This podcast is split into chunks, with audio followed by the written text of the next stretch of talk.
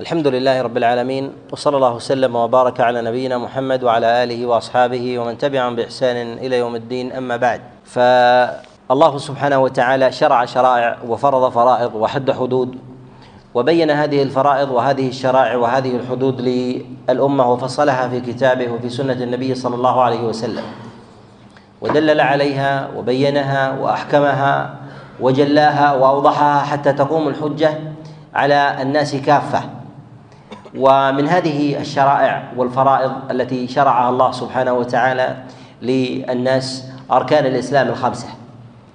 ومن هذه الأركان الصيام إذ جعله الله سبحانه وتعالى ركنا رابعا من أركانه كما جاء في حديث عبد الله بن عمر في الصحيحين وغيرهما أن النبي صلى الله عليه وسلم قال بني الإسلام على خمس شهادة أن لا إله إلا الله وأن محمد رسول الله وإقام الصلاة وإيتاء الزكاة وصوم رمضان وحج البيت من استطاع إليه سبيلا. فهذه هي أركان الإسلام والأركان هي الدعائم التي يبنى عليها أو يقوم عليها بناء الإسلام. وذلك أنها إذا زالت هذه الأركان مجتمعة لا قيمة لهذا لهذا البناء. والله سبحانه وتعالى ينوع الشرائع ويعددها من جهة صفتها وهيئتها وكذلك أيضا من جهة من جهة زمانها ومكانها من جهة زمانها ومكانها. ذلك لجملة من الحكم من هذه الحكم لما فطر الله عز وجل الإنسان عليه من جبلة الملل والسآمة. فإن الإنسان يسأم حتى من العمل الصالح التعبدي. وليست العلة في العمل الصالح ولكن العلة العلة قائمة في فطرية. ولهذا النبي صلى الله عليه وسلم يقول كما جاء في الصحيح ما عليكم من العمل ما تطيقون فإن الله لا يمل حتى تملوا. من العمل ما تطيقون يعني ما يطيقه الإنسان آه، من العمل حتى لا يكثر على نفسه بالاستدامة على عمل معين ولا ينوع في ذلك. أو يستكثر إكثارا تفقد الإنسان من ذلك شهوتها ورغبتها وإقبالها على على العمل. فرغبة الإنسان في هذا هي على التنويع. فجاءت العبادات منوعة. فجاءت الصلاة العبادة البدنية جاء الصيام وهو ما يتعلق بالأكل والشرب جاء ما يتعلق بالزكاة والأمور البدنية جاء أيضا ما يتعلق بالأمور الاجتماعية من من من صلة من صلة الأرحام بر الوالدين الإحسان إلى الجار إكرام الضيف غير ذلك مما يتعلق في منظومة من منظومة العبادة. وكذلك أيضا اختلفت من جهة الزمان اختلفت من جهة الزمان فمنها ما يكون ليلا ومنها ما يكون نهارا ومنها ما هو من آه، أسبوعي ومنها ما هو شهري ومنها ما هو حولي ومنها ما هو فصلي. ولهذا نوعها الله سبحانه وتعالى فجعل ثمة شرائع يومية. والشرائع اليومية منها ما هو واجب ومتأكد ومنها ما هو ما هو ليس بواجب. وليس بمتأكد فيدخل في دائرة الاستحباب. والاستحباب جعله الله عز وجل على مراتب. منه ما هو من الأمور المتأكدة ومنه ما هو من الأمور غير المؤكدة وذلك من السنن والمستحبات آه، في ذلك. ولهذا جاءت الشريعة بهذا التنوع فلا يوجد عبادة. من العبادات إلا وفيها تنوع في زمانها فنجد مثلا ما يتعلق ما يتعلق بالصلاة. جعل الله سبحانه وتعالى الصلاة في أيام في أوقات أو ساعات الليل والنهار وجعل الله سبحانه وتعالى أيضا هذه الشعيرة آه، العظيمة جعل منها فرائض وجعل منها نوافل. جعل منها ما يكون في بيت في في بيت الإنسان ومنها ما يكون في المسجد.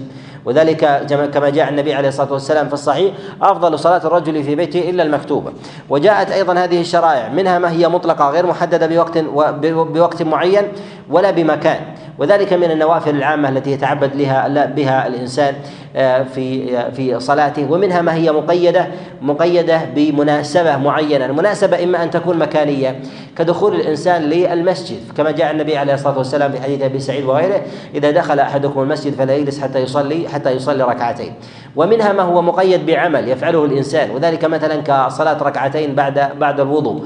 وغير ذلك من الأعمال التي يجعلها الله سبحانه وتعالى متنوعة تدور مع الإنسان. لماذا؟ حتى توافق رغبة.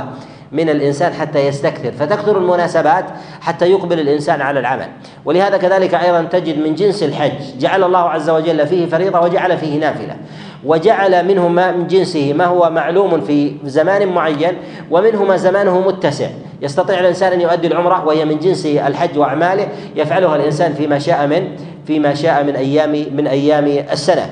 فالله سبحانه وتعالى يعدد هذه المناسبات وينوعها رحمة بالعباد. لماذا؟ حتى يستكثروا من العمل الصالح. حتى يستكثر من من العمل العمل الصالح. إذا لم تناسبه هذه تناسبه التي تليها. إذا لم تناسبه التي تليها تناسبه الأخرى وهكذا. فيجد الإنسان أنه قد حصل عملا عملا صالحا صالحا وفيرا. كذلك أيضا اختلاف أحوال الناس من جهة الإقبال على العمل. من الناس من يستروح إلى شيء من الأعمال ويقبل عليها ويجد من ذلك كلفة في بعض الأعمال. ولهذا الله سبحانه وتعالى جعل أعمال البر متعددة متنوعة بما يتناسب مع فطرة الإنسان وكذلك إمكانيته وقدرته التي أتاه الله عز وجل إياها. فجعل الله سبحانه وتعالى العبادات تتناسب مع قدرة الإنسان وإمكانه. ولهذا نجد أنه في أعمال البر والصدقات وكذلك أيضا الإحسان جعل الله عز وجل الثواب للإنسان لا يتناس لا, لا يؤجر الإنسان على ما يقدم من عطاء وإنما يؤجر الإنسان على ما ما يبقي لديه. ولهذا النبي عليه الصلاة والسلام كما جاء في حديث عمر بن الخطاب عند الترمذي وغيره قال قال عمر بن الخطاب عليه رضوان الله قال لأسبقن أبا بكر إن سبقت إن سبقته يوما. يعني يريد أن أن ينافس عمر بن الخطاب أبا بكر الصديق عليه رضوان الله في عمل من الأعمال وذلك لمنزلة أبي بكر الصديق عليه رضوان الله تعالى عند رسول الله صلى الله عليه وسلم وإقدامه عليه. وهذا نوع من المنافسة بالخير. فأراد النبي عليه الصلاة والسلام أن يستنفق الصحابة وأن يطلب منهم الإكثار من الصدقة وذلك في مناسبة من المناسبات في غزو من الغزوات فجاء أبو بكر الصديق عليه رضوان الله تعالى بماله كله وجاء عمر بن الخطاب بشطر ماله. انظروا إلى سؤال النبي عليه الصلاة والسلام لعمر لعمر بن الخطاب ولأبي بكر لما جاء أبو بكر عليه رضوان الله بالمال قال له النبي عليه الصلاة والسلام ماذا أو ما أبقيت لأهلك ما قال له النبي عليه الصلاة والسلام كم أنفقت قال كم أبقيت فقال النبي فقال أبو بكر الصديق أبقيت لهم الله ورسوله فسأل النبي عليه الصلاة والسلام عمر بن الخطاب فقال له فقال له كم أبقيت لأهلك؟ قال أبقيت لهم شطر شطر مالي. النبي عليه الصلاة والسلام سأل كم أبقى وما سأل كم أنفق. لأن الله سبحانه وتعالى يجعل المال من جهة نفس نفاسته بإمكان الإنسان. من الإنسان ما ما يملك ألفا ومن الناس من يملك مئة ألف.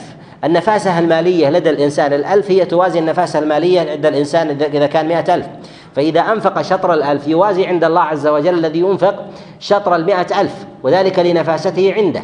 ولهذا الله سبحانه وتعالى يأجر الإنسان بما بما بما بما يتركه الإنسان من من حاجة وفاقة بعد بعد إنفاقه. ولهذا النبي عليه الصلاة والسلام جاء عنه في الخبر أنه قال درهم سبق ألف دينار يعني أن الإنسان ينفق درهما لا يملك إلا إياه وينفق الإنسان ألف دينار وهي يملك يملك ألوف مؤلفة من من الدنانير.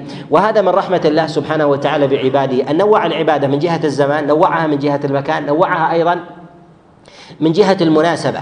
ونوعها أيضا من جهة قدرة الإنسان. من الناس من هو أشل لا يستطيع أن يؤدي الصلاة قائما. فلو كانت العبادة مجردة للصلاة فقط لا يوجد غير هذه هذه الصلاة يؤديها. لوجد الإنسان في نفسه حسرة وانكسار أن الناس تتقرب إلى الله سبحانه وتعالى ولا يوجد لديه شيء يقربه إلى الله سبحانه وتعالى كما يفعل كما يفعل الناس. فجعل ابوابا من ذلك متعددة منها الصيام منها الصدقة منها ذكر الله عز وجل منها قراءة القرآن. فكانت هذه هذا التنوع من أمور العبادة يناسب قدرة الإنسان وعجزه. فكان في منظومة المدافعة التي أوجد الله عز وجل الإنسان عليها السنة الموجودة في الخلق سنة مالية سنة قدرة بدنية قدرة ذهنية كذلك قدرة مكانية. يختلف الناس في طبائعهم. من الناس من هو في بلد فقر ومن الناس من هو في بلد غنى. من الناس من هم في بلد بسطة في الجسم ومن الناس من هو في بلد فتن ومنهم من هو في في بلد أمن وغير ذلك. فهذا التنوع من العبادات تشبع حالة الإنسان أن يتقرب لله سبحانه وتعالى وأن يكثر من من رصيده عند الله جل وعلا. وهذا من رحمة الله سبحانه وتعالى ولطفه في ذلك لهذا تنوعت العبادات وكان من أنواعها ما يتعلق بالصيام. ونجد أن الصيام الذي شرعه الله سبحانه وتعالى شرعه متعددا ومتنوعا وليس على وليس على زمن معين فجعله الله سبحانه وتعالى على على مراتب. منه ما هو حولي وهو صيام شهر رمضان. ومنه ما هو أيام أيضا حولية كصيام عرفة وكصيام يوم عاشوراء ومنه ما هو ما هو أسبوعي كصيام الاثنين والخميس ومنه ما هو شهري كصيام ثلاثة أيام من كل شهر أو الأيام البيض ومنها ما هو يوم وراء يوم صيام داود أن يصوم يوما وأن يفطر وأن يفطر يوما ومنها أن يصوم الإنسان شهرا بعينه من غير استيعاب له بكامله كصيام شهر الله المحرم وصيام شعبان فان النبي عليه الصلاة والسلام كان يكثر كان يكثر من صيامهما. ولهذا نقول إن الله سبحانه وتعالى نوع هذه العبادة حتى تتناسب مع الإنسان. ربما يكون الإنسان مسافرا في هذا الشهر و أو يمرض في هذا الشهر فلا تفوته فلا يستدرك العبادة إلا في في العام القادم في تلك المناسبة. فجعل الله عز وجل هذه الشريعة آه، آه، يلتقي فيها الإنسان على سبيل الدوام. إن فاته هذا الفضل في هذا اليوم فثمة يوم يليه فثمة يوم الذي يليه. إن فاتته المناسبة الأسبوعية أو الشهرية فإن المناسبة الأسبوعية والشهرية آه، تليه. فكان فضلا من الله سبحانه وتعالى ومنه على العباد أن يستكثروا من أعمال الطاعات. يستكثر من أعمال من أعمال الطاعات وذلك رحمة بالعباد ولطفا ولطفا بهم. ولهذا الله سبحانه وتعالى يمتن لعباده كثيرا في أمور التشريع. فيقول لعلكم تهتدون لعلكم تتقون لعلكم تشكرون. يعني أمثال هذا التنوع من العبادات هو الذي يقرب العباد إلى الله سبحانه وتعالى حتى يستكثروا من الطاعات رحمة منه. فلو كانت العبادة نوعا واحدا أو زمنا واحدا أو مناسبة واحدة أو على صفة وحال وحال واحدة فإن الإنسان يفوته من الخير الكثير الذي لا يمكن له أن يستدرك أن يستدرك ذلك. وهذا من رحمة الله سبحانه وتعالى وسعه وسعة فضله. ونحن في هذا المجلس نتكلم في هذه الليلة على ما يتعلق من احكام أحكام الصيام. أحكام الصيام منها ما يتعلق في رمضان ومنها ما يتعلق بغيره ونتكلم فيما يتعلق برمضان لهذه المناسبة وقربها ودنوها وكذلك لجلالة فضلها باعتبار أنها أنها ركن من أركان الإسلام وقد بين الله سبحانه وتعالى فضلها ومزيتها وأثرها أيضا على على الإنسان. الله جل وعلا شرع صيام رمضان بعدما كان الصيام قبل ذلك بيوم أو ربما أيام. قد جاء في حديث معاذ بن جبل وكذلك أيضا في حديث عائشة أن النبي صلى الله عليه وسلم أول ما قدم المدينة كان يصوم ثلاثة أيام من كل شهر.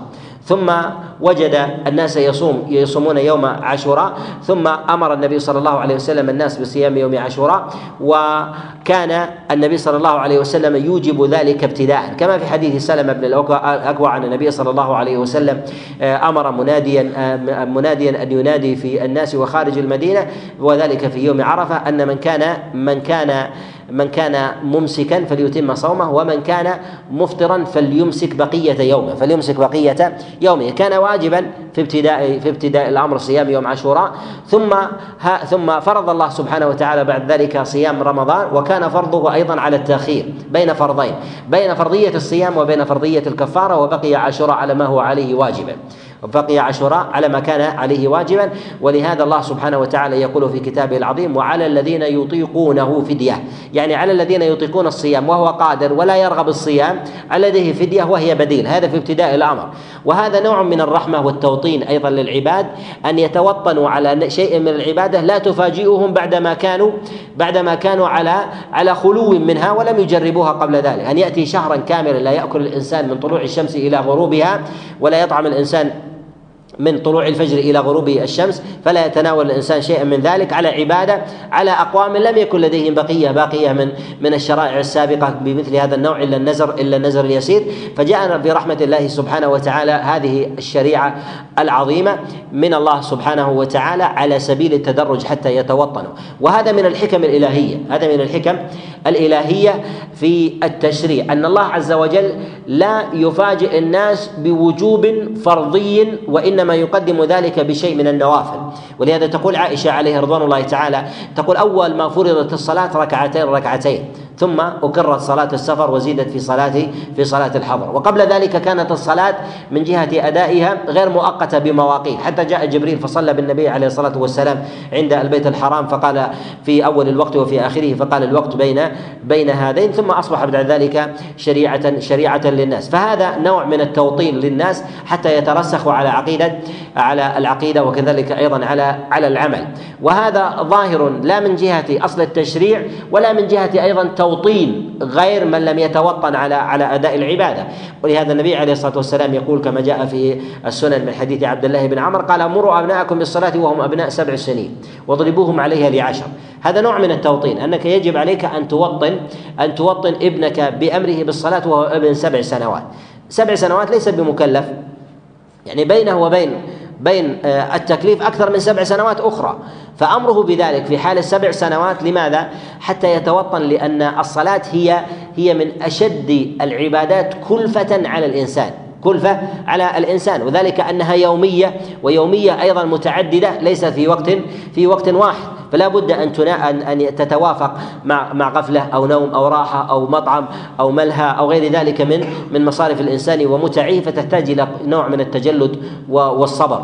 فجاءت على سبيل التوطين حتى يتدرب عليها الإنسان. لماذا؟ لأن الصبي في ابتدائه ليس بصاحب لذة ولا بمتعة وكذلك أيضا ليس بصاحب مشاغل فإذا توطن عليها قوي على المشاغل ولم تقوى عليه المشاغل. ولم تقوى عليه المشاغل فكان في ذلك أكثر أكثر توطينا. ولهذا الذين يقصرون في جانب تربية أبنائهم في امور في أمور الصلاة فيفرطون في هذا الأمر. فلا يأمرون ابنائهم بالصلاة وهم أبناء سبع سنين تأتي عليهم مرحلة البلوغ ثم يجد أن الابن يتمرد عليه أنه لا يؤدي الصلاة. السبب في هذا هو التقصير أنه ما امره ما أمره بالصلاة وهو ابن سبع سنوات. فإذا كان يتوجه للطفل وهو ابن سبع سنوات كل يوم خمس مرات كل يوم فليحسب الإنسان في السنة كم؟ خمس آه، صلوات في أو خمس أوامر في السنة الواحدة 364 ثم في ثم في العام الآخر كذلك. لا يمكن أن يصل إلى مرحلة البلوغ والأوامر تتكرر عليه إلا وهو منضبط انضباطا انضباطا تاما. ولكن يقع الخلل في الأولياء ثم إذا فرط الأبناء قال فرط الأبناء وتمردوا والسبب في ذلك هو الخلل الذي كان الذي كان كان منه. لهذا جاءت الشريعة بالتوطين على أمور العبادات على سبيل التدرج ومن ذلك ما يتعلق بأمر بأمر الصيام فكان فكان توطينا حتى كانوا يصومون أبناءهم يصوبون يصومون أبناءهم كما جاء في حديث الربيع. كانوا يصومون أبناءهم ويلهونهم بعهن يعني ب آه، وذلك بالعهن من القطن آه، حتى آه، حتى يأتي الطعام وذلك نوع من التوطين وذلك كانوا يصومونهم في يوم في يوم عاشوراء حتى يعتادوا على ذلك ثم لما جاء رمضان وانتقل الحكم من ذلك من التخيير إلى فرض رمضان على سبيل على سبيل التعيين من غير تخيير وهذا في قول الله سبحانه وتعالى فمن شهد منكم الشهر فليصم. حينئذ تحول الأمر من التخيير إلى الفرض إلى الفرض العيني. إلى الفرض العيني فنقول إن فيما يتعلق بمثل هذا الأمر والعبادة نقول إن الله سبحانه وتعالى لطف على عباده وكذلك أيضا رحمهم بأمثال هذه الشرائع وتنوعها. كذلك أيضا فإن ما يتعلق بأمر الصيام وكذلك أيضا غيرها من العبادات أن الله سبحانه وتعالى أن الله سبحانه وتعالى شرع الشريعة وأمر الإنسان بفعلها ثم أيضا لها أثر على الإنسان في ذاته. من جهة محو السيئات التي تأتي عليه. ولهذا النبي عليه الصلاة والسلام يقول رمضان إلى رمضان كفاره لما بينهما. رمضان إلى رمضان كفاره لما بينهم.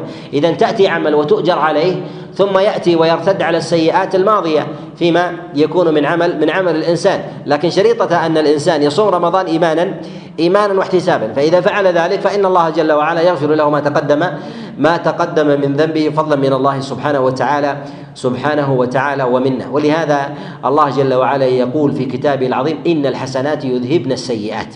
إن الحسنات يذهبن السيئات يعني تمحو عمل الإنسان السيء ويبدله الله عز وجل بذلك بذلك أجرا وهذا من بركة من بركة الطاعات وهذا أيضا من من الحكم في تنوع أنواع العبادة. تنوع أنواع العبادة. الإنسان لا لا يخلو من ذنب. يقع إما بغيبة أو بنميمة أو مثلا بشيء من الأمور الأمور المحرمة من الصغائر أو أمور الكبائر أو غير ذلك تقع من الإنسان. وهذه المحرمات أيضا تختلف. منها ما يقترفها الإنسان في يومه وليلته ومنها ما هي أسبوعية ومن ما هي أبعد من ذلك. هذه تتكاثر على الإنسان. فمن رحمة الله عز وجل أن يغالبها بالحسنات أيضا حتى تقوم بمغالبتها فتمحو تلك تلك السيئات التي يأتي بها الإنسان. لهذا يجد الإنسان أنواع العبادة عبادة كثيرة في يومه وليلته. منها أذكار الصباح أذكار المساء التسبيح التهليل الصلوات بأنواعها بجميع أنواعها بر الوالدين وصلة الأرحام. يجد أنه ثمة تكاليف متعددة الإنسان هذه التكاليف أراد الله سبحانه وتعالى بها أن تقاوم ما يصدر من الإنسان من محرمات. ما يصدر من الإنسان من محرمات حتى يتفاجأ الإنسان بعد ذلك أن أن عمله في ذلك وفير وذنبه في وذنبه في ذلك قليل. وهذا أيضا من رحمة الله عز وجل بتنوع هذه العبادات وهي أيضا تختلف وتتباين من جهة قوتها على دفع السيئات على دفع السيئات. فالعمل العظيم يمحو الله سبحانه وتعالى به السيئة العظيمة السيئة العظيمة.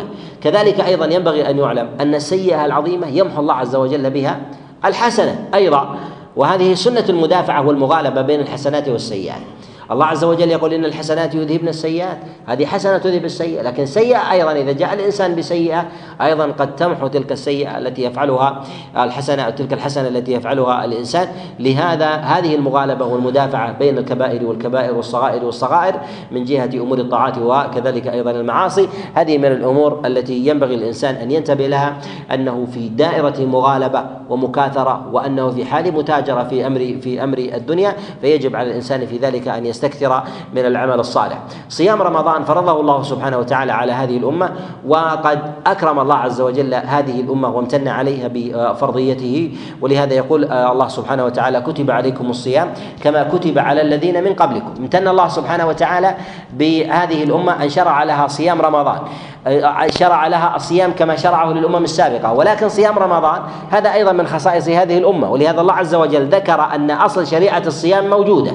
أما رمضان 答案 فهو خاص بهذه الأمة. ولهذا الله عز وجل يقول شهر رمضان الذي أنزل فيه القرآن هدى للناس وبينات من الهدى من الهدى والفرقان. فخص هذه الأمة بهذا الصيام قال فمن شهد منكم الشهر الشهر فليصم فجعل الله سبحانه وتعالى اشتراك العبادة اشتراك العبادة في الأمة مع الأمم السابقة هو في أصل وجنس جنس العبادة لا في وصفها وكذلك عددها ومناسباتها. هذا في ظاهر السياق. ولهذا نقول إن الله سبحانه وتعالى امتن على الأمة بتنوع عبادات وأوصافها وامتن امتن عليه بهذه بصيام صيام رمضان. ومن فضائل رمضان أن الله سبحانه وتعالى جعله ركنا من أركان الإسلام. وذلك أنه بمقدار أهمية العمل يكون قيمته في الشريعة. فإذا تأكد الأمر على شيء فالثواب عليه فالثواب عليه عظيم. ولهذا تجد حتى في السنة الكونية أن الإنسان كلما قام بعمل أعظم فإن الأجر والثواب عليه والثواب عليه أعظم من غيره. وهذا يجده الإنسان. ولهذا الله سبحانه وتعالى كلما أكد امرا واجرا آه، أو عملا عظيما فإن الله سبحانه وتعالى يجعل له ثوابا ثوابا عظيما عنده في مقدار الوجوب. ولهذا الواجبات أعظم اجرا من من المستحبات. الفرائض أعظم اجرا من النوافل. ولهذا إذا تزاحم لدى الإنسان فريضة ونافلة فلا يفوت الفريضة لاجل لأجل النافلة ولو كانت النافلة أكثر عددا. من الناس مثلا من يقول إذا قمت الليل لم يتبقى من مثلا من وقت من وقت صلاة الصبح إلى وقت يسير ولو قمت الليل لا لربما نمت بينهما ولم أقم وذلك لتعب ونحو ذلك. فهل نقول له قم الليل كله باعتبار أنه 11 ركعة وفوت صلاة الفجر وهي وهي ركعتين؟ نقول لا إن صلاة الفجر وهي ركعتين هي خير من جميع النوافل لأن تلك مستحبة وهذه وهذه واجبة تلك مستحبة وهذه واجبة. ولهذا كلما كان الشيء واجبا فإن ثوابه عند الله سبحانه وتعالى أعظم من غيره أعظم من غيره. لهذا نأخذ من ذلك جملة من اللوازم. منها أن الله سبحانه أن النبي عليه الصلاة والسلام سئل كما جاء في حديث أبي قتادة عن صيام يوم يوم عرفة فقال يكفر السنة الماضية والسنة الباقية. وسئل عن صيام يوم عاشوراء قال يكفر السنة. إذا كان يوم عاشوراء إذا كان يوم عرفة يكفر السنتين ويوم عاشوراء يكفر سنة واحدة وهما نافلة وليس وليس بواجبين. فهذا يدل على أن رمضان أعظم تكفيرا أو أقل. أعظم أعظم. وذلك أنه أعظم من ذلك بأضعاف. وذلك لأنه أكثر عددا وأعظم تأكيدا من جهة من جهة الشريعة. وهذا من فضله. ولهذا النبي صلى الله عليه وسلم جعل التكفير غير مؤقت بزمن ولا بعدد. فقال النبي عليه الصلاة والسلام من صام رمضان إيمانا واحتسابا غفر له ما تقدم ما تقدم من ذنبه. فما قال حول ولا حولين. ولا سنة ماضية وباقية وإنما قال ما تقدم ما تقدم من عمر الإنسان مما عشر عشرين ثلاثين سنة بحسب حال الإنسان ولكن شريطة أن يكون ذلك إيمانا واحتسابا. وبمقدار صوم الإنسان إيمانا واحتسابا ومعنى الإيمان أن يكون خالصا لله سبحانه وتعالى احتسابا راغبا ما عند الله لا أن يصوم مواكبة أو عادة أن الناس يصومون ثم يمسك معهم وهمه من ذلك أن يجتمع مع الناس في سحره وفطره وأما عدا ذلك لا يتذكر من صيامه من صيامه واحتسابه من ذلك شيء حينئذ يضعف الاحتساب ويضعف أثر الطاعة ويضعف في ذلك أثر الطاعة. ولهذا نقول إن عظم العبادة عند الله سبحانه وتعالى بعظم بعظم عمل القلب. عمل القلب هو الذي يعظم العبادات. فإذا أخلص الإنسان لله سبحانه وتعالى في صيامه فأقبل على الله جل وعلا أثابه الله سبحانه وتعالى على ذلك أعظم أعظم من غيره. لهذا تجد الناس يشتركون مثلا في عبادة من العبادات هي في ظاهرها واحدة. هذا ترفعه عبادته إلى أعلى عليين وهذا تضعه عبادته ربما وهي عبادة في أسفل سافلين. لأن هذا فعلها بإخلاص وصدق وإقبال على الله وهذا فعلها برياء وسمعة وشرك. وراى في فلان أو أحب حمد الناس أو غير ذلك فضعفت ومن الناس من تراهم في الصلاة مثلا في صف واحد هذا يقبل له صلاة كاملة هذا الربع هذا الثلث هذا النصف هذا الخمس هذا هذا العشر بحسب حال إقبال إقبال الإنسان. لا يستوون الناس. وهذا الأمر الذي نعرف به بركة الأعمال الصالحة. بركة الأعمال الصالحة ليس بكثرتها وإنما بقوتها نوعا وإنما بقوتها نوعا. وبهذا يمتاز المتعبدون لله سبحانه وتعالى بما شرع الله بالأحب إلى الله سبحانه وتعالى من من الأعمال. فيعرف ما يحب الله ويعرف أيضا ما يعظم الأجر الله سبحانه وتعالى به للإنسان فيقبل على الله حتى يكون ثوابه في ذلك في ذلك في ذلك عظيما. وهذا سر ما تجد كثير من الناس مثلا لديه مثلا نوع من العبادة الكثيرة ولكن بركتها عليه قليله باعتبار أن هذه الكثرة قابلها قلة قلبية وضعف قلبي أنزل أثرها عليه وهذا عبادته في ذلك قليلة ولكنه صاحب إقبال فهو ممتلئ من جهة الصدق مع الله عز وجل فهذه العبادة القليلة ترفعه في ذلك ويكون ميزانها عند الله سبحانه وتعالى عظيما. ولهذا العبادات ليست بالظواهر كما أن الماديات ليست بالظواهر. قد تأتيني بحجارة عظيمة جدا لكنها جوفاء. لكنها جوفاء فما فيها فارغ فوزنها في ذلك خفيف. كذلك أيضا قد تأتيني بما دونها ولكنها ممتلئة حينئذ يكون في ذلك ثوابها عظيما كذلك أيضا العبادة. إذا أتى الإنسان إذا امتلأ قلب الإنسان بالتعظيم لله جل وعلا والتقرب إليه ايمانا واحتسابا كان ثواب العمل اليسير عند الله عز وجل عظيما. وإذا أتى بعبادة عظيمة في ظاهرها لكنها جوفاء في داخلها خاوية فإن أثرها على الإنسان يكون يكون يسيرا. لهذا يجب على الإنسان أن يحتاط للعبادة. أن يحتاط لها من ماذا؟ مما مما يضعف قيمتها ووزنها. وذلك من خلو القلب من الإيمان والصدق والاحتساب لله سبحانه وتعالى. كذلك أيضا أن يجتنب المحرمات التي تقاوم تلك الطاعة. المحرمات مما يقع في الإنسان التي تضعف الطاعة. الصيام أمر الله عز وجل الإنسان بأن يجتنب بأن يجتنب المفطرات. كذلك أيضا أن يجتنب المحرمات الأخرى. قد يقول قائل هي محرمة في غير رمضان. نعم محرمة في غير رمضان. لكن أنت في عبادة عظيمة يجب أن تحافظ عليها حتى تخرج من رمضان وثقلها عظيم. لهذا النبي عليه الصلاة والسلام يقول كما جاء في حديث أبي هريرة في الصحيح قال قال الله جل قال قال قال النبي عليه الصلاة والسلام من لم يدع قول الزور والعمل به فليس لله حاجة أن يدع طعامه وشرابه. يعني الإنسان يقع في الغيبة في النميمة في الكذب شهادة الزور وهو صائم. يقول النبي عليه الصلاة والسلام فليس لله حاجة بأن يدع طعامه وشرابه، يعني لا ليس ثمة حاجة أن أن تترك الصيام، حالك كحال المفطرين، حالك كحال المفطرين، عبادتك في ذلك جوفاء فارغة كحال البالونة ضخامة ولكنها ليس لها ليس لها وزن. حينما تأتي بحجارة يسيرة تضعها تكون أثقل أثقل منها. لهذا نقول ينبغي ألا ينخدع الإنسان بما يؤديه من عبادة ظاهرة إذا كان قلبه في ذلك فارغا. إذا كان قلبه في ذلك فارغا فإن هذا يفرغ العبادة فلا بد من الإخلاص والصدق والتجرد لله سبحانه وتعالى. ولهذا يذكر غير واحد من السلف آه، مسألة ما ينقص ثواب الإنسان من الغيبة والنميمة والكذب والبهتان. حتى قال إبراهيم النخعي عليه رحمة الله يقول كانوا يقولون يقول كانوا كانوا يقولون إن الغيبة تفطر الصائم. يعني معنى تفطر الصائم ليس المراد بذلك أنها أكل والشرب ولكن أنها يستسهل الإنسان الوقوع فيها حتى لا يبقى من حسناته شيء فيكون حينئذ كحال المفطرين. كحال المفطرين لم يتحقق له من ذلك من ذلك أجر. وقد قال بهذا غير واحد من العلماء كأنس بن مالك وغيره من من السلف في هذه الحرمات التي تضعف عمل عمل الإنسان. لهذا نقول إنه من الأمور المتأكدة أن الإنسان قبل أن يباشر الصيام قبل أن يباشر الصيام. وهذا يشمل أيضا غيره من العبادات قبل أن يباشر الصيام ينبغي أن يملأ قلبه ايمانا واحتسابا لله سبحانه وتعالى حتى يثقل ذلك العمل حتى يثقل ذلك العمل ويكون أثره عليه من جهة البركة من جهة التكفير كذلك أيضا من جهة الاستدامة ودوام العمل الصالح أن أن يكثر من ذلك تقربا لله سبحانه سبحانه وتعالى.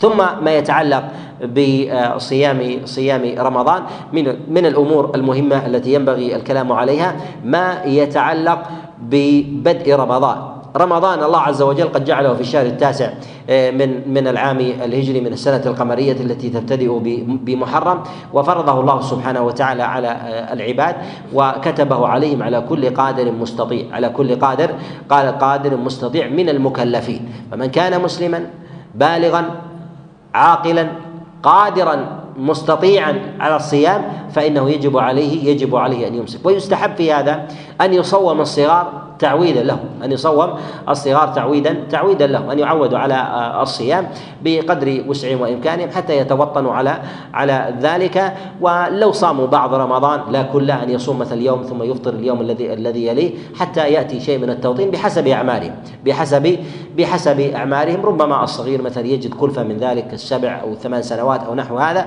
يجد كلفة بصيام يوم كامل يوطن عليه على على التيسير على التيسير في ذلك لأنه لا لا يأثم بهذا. ولكن حتى يكتب له في ذلك الأجر فإنه يجري له قلم الحسنات ولا يجري عليه قلم ولا يجري عليه قلم السيئات. فيوطن في ذلك حتى إذا كبر فإنه يدرك في هذا في ذلك تمام آه، الصيام. كذلك أيضا من الأمور المهمة أن الله سبحانه وتعالى لطيف بعباده.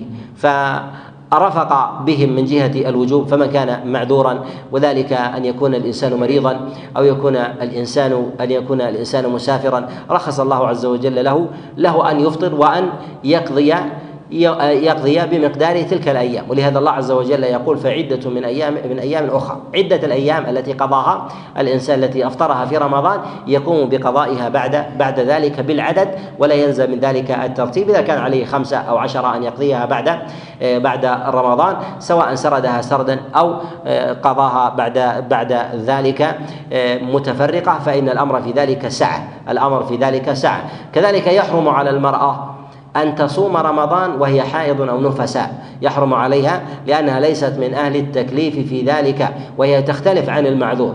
تختلف عن المعذور. المسافر لا يحرم عليه باعتبار أن عذره في ذلك عذره في ذلك ليس بمحرم له الصيام. وأما بالنسبة للحائض والنفساء فإنه يحرم عليها الصلاة وتحرم عليها أيضا يحرم عليها الصيام ويجب عليها قضاء الصيام ولا يجب عليها قضاء الصلاة وإنما كان التفريق بين مسألة القضاء في الصلاة والصيام لأن الصلاة كثيرة الصلاة كثيرة. وأما بالنسبة لرمضان والصيام الواجب على الإنسان في العام يأتي في العام مرة ثم أيضا قضاءه من ذلك ميسور بخلاف الصلاة فإنها كل شهر يأتي المرأة ومن النساء من يكثر من ذلك حيضها فيأتيها عشرة أيام وربما يأتيها خمسة عشر يوما فيشق عليها أن تقضي تلك الأيام خمسة عشر يوما في خمس فرائض. هذا عدد كثير على المرأة يشق عليها أن تعيدها بعد بعد ذلك ولديها من الذرية والأبناء والزوج وكذلك أيضا آه، من انشغال في نفسها وأهلها وبيتها ما ما يصعب عليها ذلك فلا يكلفها الله سبحانه وتعالى بهذا.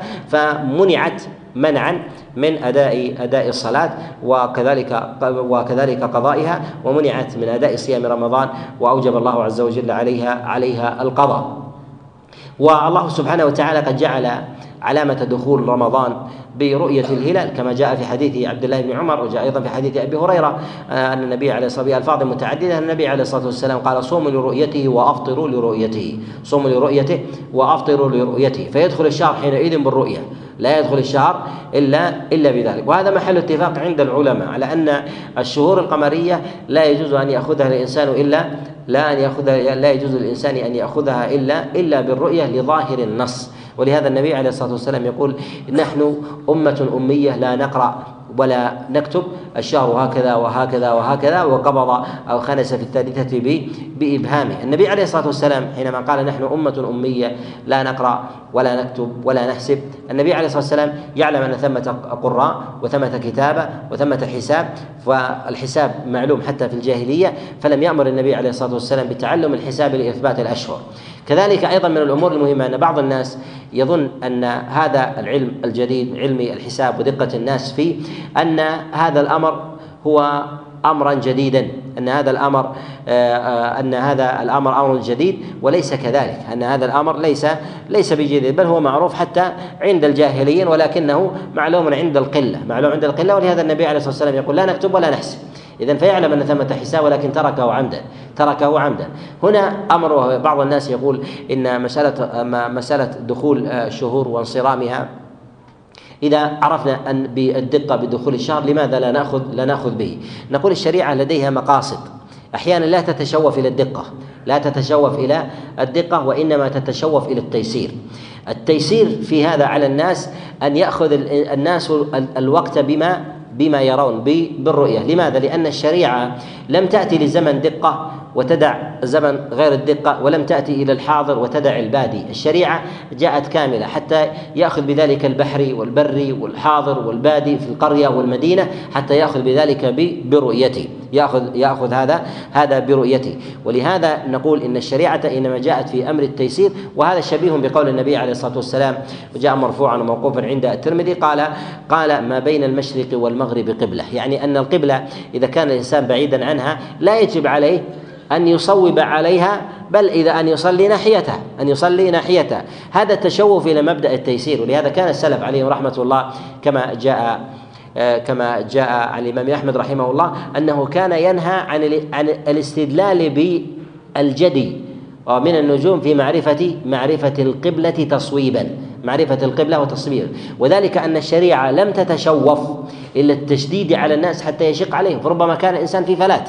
كان الإنسان في فلات فيبحث عن النجوم حتى يصيب. فإذا مال عنها درجة أو درجتين جاءه شيء من الوسواس ثم يقول صليت في عام كذا أو في فترة كذا ثم ملت انحرفت يسيرا فلهذا النبي عليه الصلاة والسلام قال المشرق والمغرب ما بينهما قبلة إذا كنت تصلي من جهة الناحية بخلاف إذا كنت عند الكعبة وأنت وأنت تراها. إذا الشريعة من مقصدها في ذلك هو التيسير. وهذا التيسير ولأن الشريعة عامة جاءت للشخص الذي في البحر الذي يصيد والشخص الذي في البر جاء الشخص للبادي وكذلك للحاضر في زمن الجهل وزمن العلم من باب من باب التيسير. وهذا شبيه بالأوقات الصلوات الخمسة. الصلوات الخمس الله ربطنا سبحانه وتعالى بالرؤية إذا رأيت غروب الشمس وجب عليك أن أن تصلي صلاة صلاة المغرب. برؤيتك أنت. وكذلك أيضا من جهة طلوع الشمس وانصرام وانصرام وقت صلاة الفجر وينقضي الفرض بذلك. ولهذا نقول إن الله سبحانه وتعالى أراد وقصد من ذلك تيسيرا. أراد الله عز وجل من ذلك تيسيرا بالامه وأما بالنسبة للأخذ بالحساب الأخذ بالحساب. نقول إن الأخذ بالحساب في أبواب في أبواب النفي في أبواب النفي والنفي في ذلك على نوعين. النوع الأول النفي في نفي آه المطلع وجود وجود آه الكوكب في الفضاء وجود الكوكب في الفضاء وجود القمر آه أو الهلال في في الفضاء. إذا نفى أهل الفلك وجوده كأن يقول هو أصلا ليس في الفضاء غير موجود وإنما في الجهة الأخرى من الأرض. فهذا هو نفي لوجوده هذا قد يؤخذ به في النفي في هذا النوع. أما النفي الثاني ما يتعلق بنفي الرؤية يقول موجود في الفضاء لكن ننفي الرؤية. ننفي الرؤية أن يرى هذا لا يؤخذ لا يؤخذ بذلك فإذا رؤي فإنه لا يقدم آه، إلا النص في ذلك. كما قال النبي عليه الصلاة والسلام صوموا لرؤيته وأفطروا لرؤيته من الأمور المهمة في مسائل الصيام النية. ولهذا النبي عليه الصلاة والسلام يقول إنما الأعمال بالنيات. وقد جاء أيضا في حديث حفصة وكذلك أيضا في حديث عبد الله بن عمر مرفوعا وموقوفا. قال لا صيام لمن لم يبيت لا صيام لمن لم يبيت النية من الليل. يبيت النية من الليل. ذكر النية من الليل أي لا بد أن تسبق العمل أن تسبق العمل. حتى يكتب له. وهذا في صيام رمضان بخلاف صيام النفل. صيام رمضان لابد أن تكون النية من الليل أن يعلم أن هذا رمضان. وأما الإنسان الذي لا يدري رمضان غدا أو ليس بغد فأراد أن ينام يقول ثم أنظر في أحوال الناس لن أطعم في ذلك شيء. ثم أصبح. ووجد الناس ووجد الناس صائمين. نقول حينئذ يجب عليك أن تقضي وأن تمسك هذا اليوم لحرمة الشهر. حرمة هذا الشهر ويجب عليك أن تمسك. لماذا؟ لأن النية لم تسبق لم تسبق آه، العمل ويؤتى إن شاء الله الأجر لكن يجب عليه في ذلك في ذلك القضاء. أما صيام النافلة من النوافل العامة كصيام الاثنين والخميس صيام يوم وإفطار يوم صيام الأيام البيض وغيرها من الأيام التي يريد الإنسان أن يتعبد لله عز وجل فيها وليست من الفرائض فنقول لا حرج عليه أن يعقد النية من النهار يعقد النية من النهار. وذلك كما جاء في حديث عائشة عليه رضوان الله تعالى أنها قالت دخل علي النبي عليه الصلاة والسلام فقال فقال أعندكم شيء؟ فقلنا فقلنا لا. فقال النبي عليه الصلاة والسلام إني إذا إني إذا صائم. وجاء النبي عليه الصلاة والسلام إلى عائشة فقال إني أصبحت صائما. أعندكم شيء؟ فقال فقالت للنبي عليه الصلاة والسلام نعم أهدي إلينا حيث فأهدي للنبي عليه الصلاة والسلام فأكل فأكل منه. وهذا دليل على جواز قطع صيام النافلة و جواز النية أيضا من النهار في النافلة. أما الفريضة فلا يجوز للإنسان أن يقطعها من النهار ولا تجزي عنه نية النهار بل تكون من يكون حينئذ من الليل. ونية صيام النافلة من النهار سواء كان من الصباح مبكرا أو أيضا من نصف النهار الأمر في ذلك في ذلك سعة كما جاء عن غير واحد من السلف عليهم رضوان الله تعالى. كذلك يجب على الإنسان أن يمسك عن المفطرات.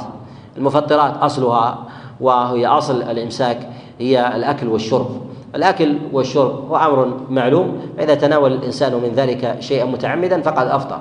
أما بالنسبة للناس إذا أكل الإنسان أو شرب ناسيا إذا أكل أو شرب ناسيا فإنما أطعمه الله وسقاه كما جاء عن النبي صلى الله عليه وسلم فيقال إنه يعذر بذلك ولا يجب عليه ولا يجب عليه القضاء ولا يجب عليه القضاء. وكذلك أيضا من الأمور المهمة أن ثمة نوازل أو مسائل شرعية تتعلق بالمفطرات ينبغي أن نتبصر بها وهي المفطرات الحديثة سواء كان ما يتعلق بأمور المغذيات أو الإبر أو الحقن أو غير ذلك مما يستعمله الإنسان. فنلخص ذلك نقول إن إن المنافذ الجوفية للإنسان على نوعين.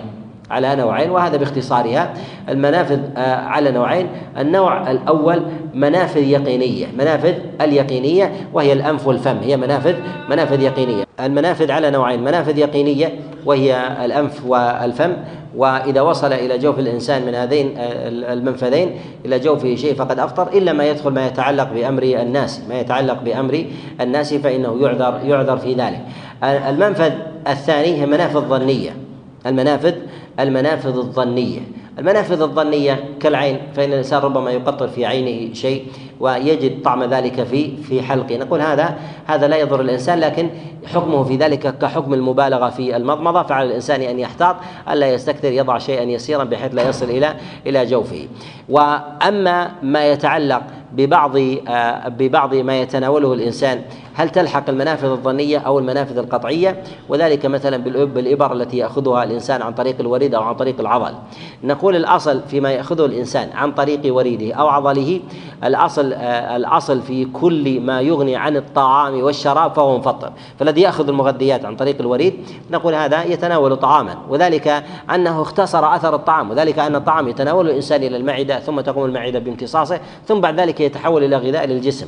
هذا جاء بغذاء اختصر فيه طريق ذلك الطعام حتى حتى يقوى به الجسم ولهذا نجد من الناس من المرضى من يجلس إلى أشهر ربما سنوات على هذه المغذيات وهو حي وهو حي وربما وربما في في نشاطه حينئذ نقول إن هذا من المفطرات إن هذا من المفطرات خاصة ما يكون في في الوريد خاصة ما يكون في الوريد وذلك لعظم أثره وكذلك لاستغناء الإنسان به عن الطعام والشراب. وأما ما يتعلق وياخذه الإنسان عن طريق العضل باعتبار أنه لا ينتشر في الجسم وغالبه في ذلك أنه يكون أنه يكون موضعي أو ربما لا يغني لو انتشر عن الطعام والشراب. وذلك كبعض المسكنات أو المهدئات التي ليست بمغذية فنقول هذا لا يضر الإنسان. هذا لا يضر الإنسان ويدخل في هذا ما ما, ما لا يصل إلى جوف الإنسان. مما يضعه الإنسان الإنسان على جسده. وذلك من الملصقات أو الدهانات أو الكريمات أو كذلك أدوية الجروح أو الحروق أو غير ذلك. هذا أيضا لا يضر لا يضر الإنسان. ويدخل في هذا تبعا آه، ما لا يصل إلى جوف الإنسان بما, بما يقطع فيه الأطباء وذلك من مما يضعه الإنسان في أذنيه. الأصل في الأذن أنها ليست منفذ إلى الجوف إلا إذا كانت إلا إذا كانت آه، مخروقة الطبلة فإنهم يقولون أنها تكون منفذ إلى الجوف. وإلا في الأصل أنه ليست ليست منفذا فإذا وضع الإنسان الإنسان فيها شيء من المراهم فإن هذا فإن هذا لا يضره. وأما كذلك أيضا ما يتناوله الإنسان من أدوية آه، سواء كان في ذكره أو في دبره وكذلك أيضا آه، المرأة. الأصل في ذلك الأصل آه، في هذا أنه لا يفطر إذا كان إذا إذا لم يكن غذاء إذا لم يكن في ذلك ذلك غذاء يغني عن الطعام عن الطعام والشراب. وأيضا من الأمور المهمة المتعلقة بمسائل الإمساك ما يتعلق بأحكام الدم. الدم الذي يخرج من الإنسان من جروح أو غير ذلك هذا لا يفطر لا يفطر الصائم. وأما بالنسبة للحجامة فقد اختلف العلماء في ذلك وهي على الأرجح أيضا لا تفطر الصائم. وعلى هذا نقول في دم التبرع إذا احتاج إليه الإنسان ولا يستطيع تجيله إلى الليل فيفعله الإنسان ويتم صومه إن استطاع. وإذا لم يستطع وكان مضطرا إليه نهارا فإنه يفطر فيكون حينئذ من جملة الضرورات كأن ينقذ الإنسان مريضا أو غير ذلك. أو نزف من الإنسان دم كثير فخشي على نفسه فأصيب مثلا بضعف أو دوار أو يخشى من حال آه، آه، إغماء أو غير ذلك فلا حرج عليه فلا فلا حرج عليه أن أن يفطر. أما في ذات الفعل فالأرجح فيه أنه أنه لا لا يفطر في هذا. وهي أيضا من المسائل الخلافية. ولو قضى ذلك اليوم احتياطا آه، لقول النبي عليه الصلاة والسلام في حديث شداد وثوبان أفطر الحاجم الحاجم والمحجوم. ويستحب للانسان أن يكثر من أعمال الطاعات أن يكثر الإنسان من أعمال الطاعات في رمضان. وأظهر شيء في هذا القرآن كما جاء في حديث عبد الله بن عباس أن جبريل كان يدرس النبي عليه الصلاة والسلام آه، في كل عام مرة فلما كان العام الذي توفي فيه درسه جبريل آه، مرتين. فيكثر الإنسان من قراءة القرآن تدبرا وتأملا. والجمع بين الختم مع التدبر أولى من القراءة من القراءة التي يقدر يقرأ يقرأها الإنسان حدرا ولا يعقل منها شيئا. ونقول ما جمع الإنسان بين الختم والفهم فإنه أولى من تعدد ختم مع ضعف فهم. مع ضعف مع ضعف فهم. وهذا هو الأقرب وهو الذي تعضده في ذلك في ذلك النصوص. وكذلك أيضا ما يتعلق ببعض المنهيات في هذا. يتفق العلماء على النهي النهي آه، آه، النهي عن الجماع في نهار رمضان وجواز ذلك في في ليله. وأن من جامع في نهار رمضان فيجب عليه في ذلك الكفارة يجب عليه في ذلك الكفارة وهي عتق رقبة. إذا لم يجد الإنسان فإنه يصوم شهرين متتابعين وإذا لم يجد فإنه يطعم ستين ستين مسكينا. والحكم في ذلك كما أنه على الرجل كذلك أيضا على المرأة للاشتراك للاشتراك في الحكم. وكذلك أيضا من الأمور المهمة في هذا أن أنه على قول عامة العلماء أنه يقضي ذلك اليوم الذي جامع فيه ويجب عليه أن يمسك في في ذلك في ذلك اليوم. وكذلك أيضا يستحب له في يستحب للصائم آه، أن يلتزم جاء النبي عليه الصلاة والسلام آه، من سنن وهدي. ومن ذلك تعجيل الفطر كما جاء النبي عليه الصلاة والسلام آه، في حديث السهل قال ما يزال الناس بخير ما عجلوا ما عجلوا الفطر. فيتعجل الفطر وأفضل الفطر أن يكون على تمر. وإذا لم يستطع الإنسان فإنه يفطر في ذلك على على على ماء وإذا لم يجد فإنه يتناول ما شاء. والذي يظهر لي والله أعلم أن التمر ثم الماء ثم اللبن. التمر ثم الماء ثم اللبن. وهذا ما جاء وصح عن النبي عليه الصلاة والسلام أنه ابتدأ الفطرة الفطرة به. وأما بالنسبة للرطب أما بالنسبة للرطب فإنه لم يثبت عن النبي عليه الصلاة والسلام تفضيله على على اجناس التمر فيقال يفطر على التمر. وهذا ما دل عليه الدليل عن النبي عليه الصلاة والسلام.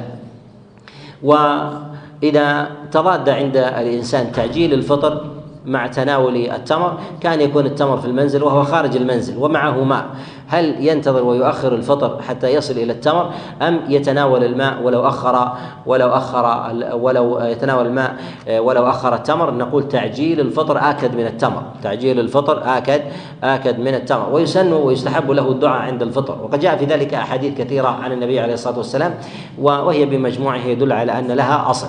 وأصح الأدعية عند الفطر ما جاء في حديث عبد الله بن عمر عند أبي داود في قوله ذهب الظمأ وابتلت العروق وثبت الأجر إن شاء الله. ويستحب الإنسان المواظبة على قيام الليل. وقد جاء النبي عليه الصلاة والسلام في المسند والسنن قال من صلى مع إمامه حتى ينصرف كتب له قيام ليلة. كتب له قيام ليلة فيصلي الإنسان آه، مع الإمام ويؤتيه الله عز وجل أجر قيام الليلة من من صلاة العشاء إلى طلوع الفجر فضلا من الله سبحانه وتعالى آه، ومنة لعباده. وكذلك أيضا من الأمور المستحبة أن يحافظ الإنسان على ليل رمضان ونهاره من أن يخدش. وكثير من الناس يظنون أن الإنسان يحافظ على نهاره وأما ما عداه من الليل فحينئذ آه، تجد الناس يتساهلون مثلا بالغيبة والنميمة أو البغي أو ربما أيضا آه، خاصة في انفتاح الفضائيات وجرأتها على الدين خاصة في رمضان.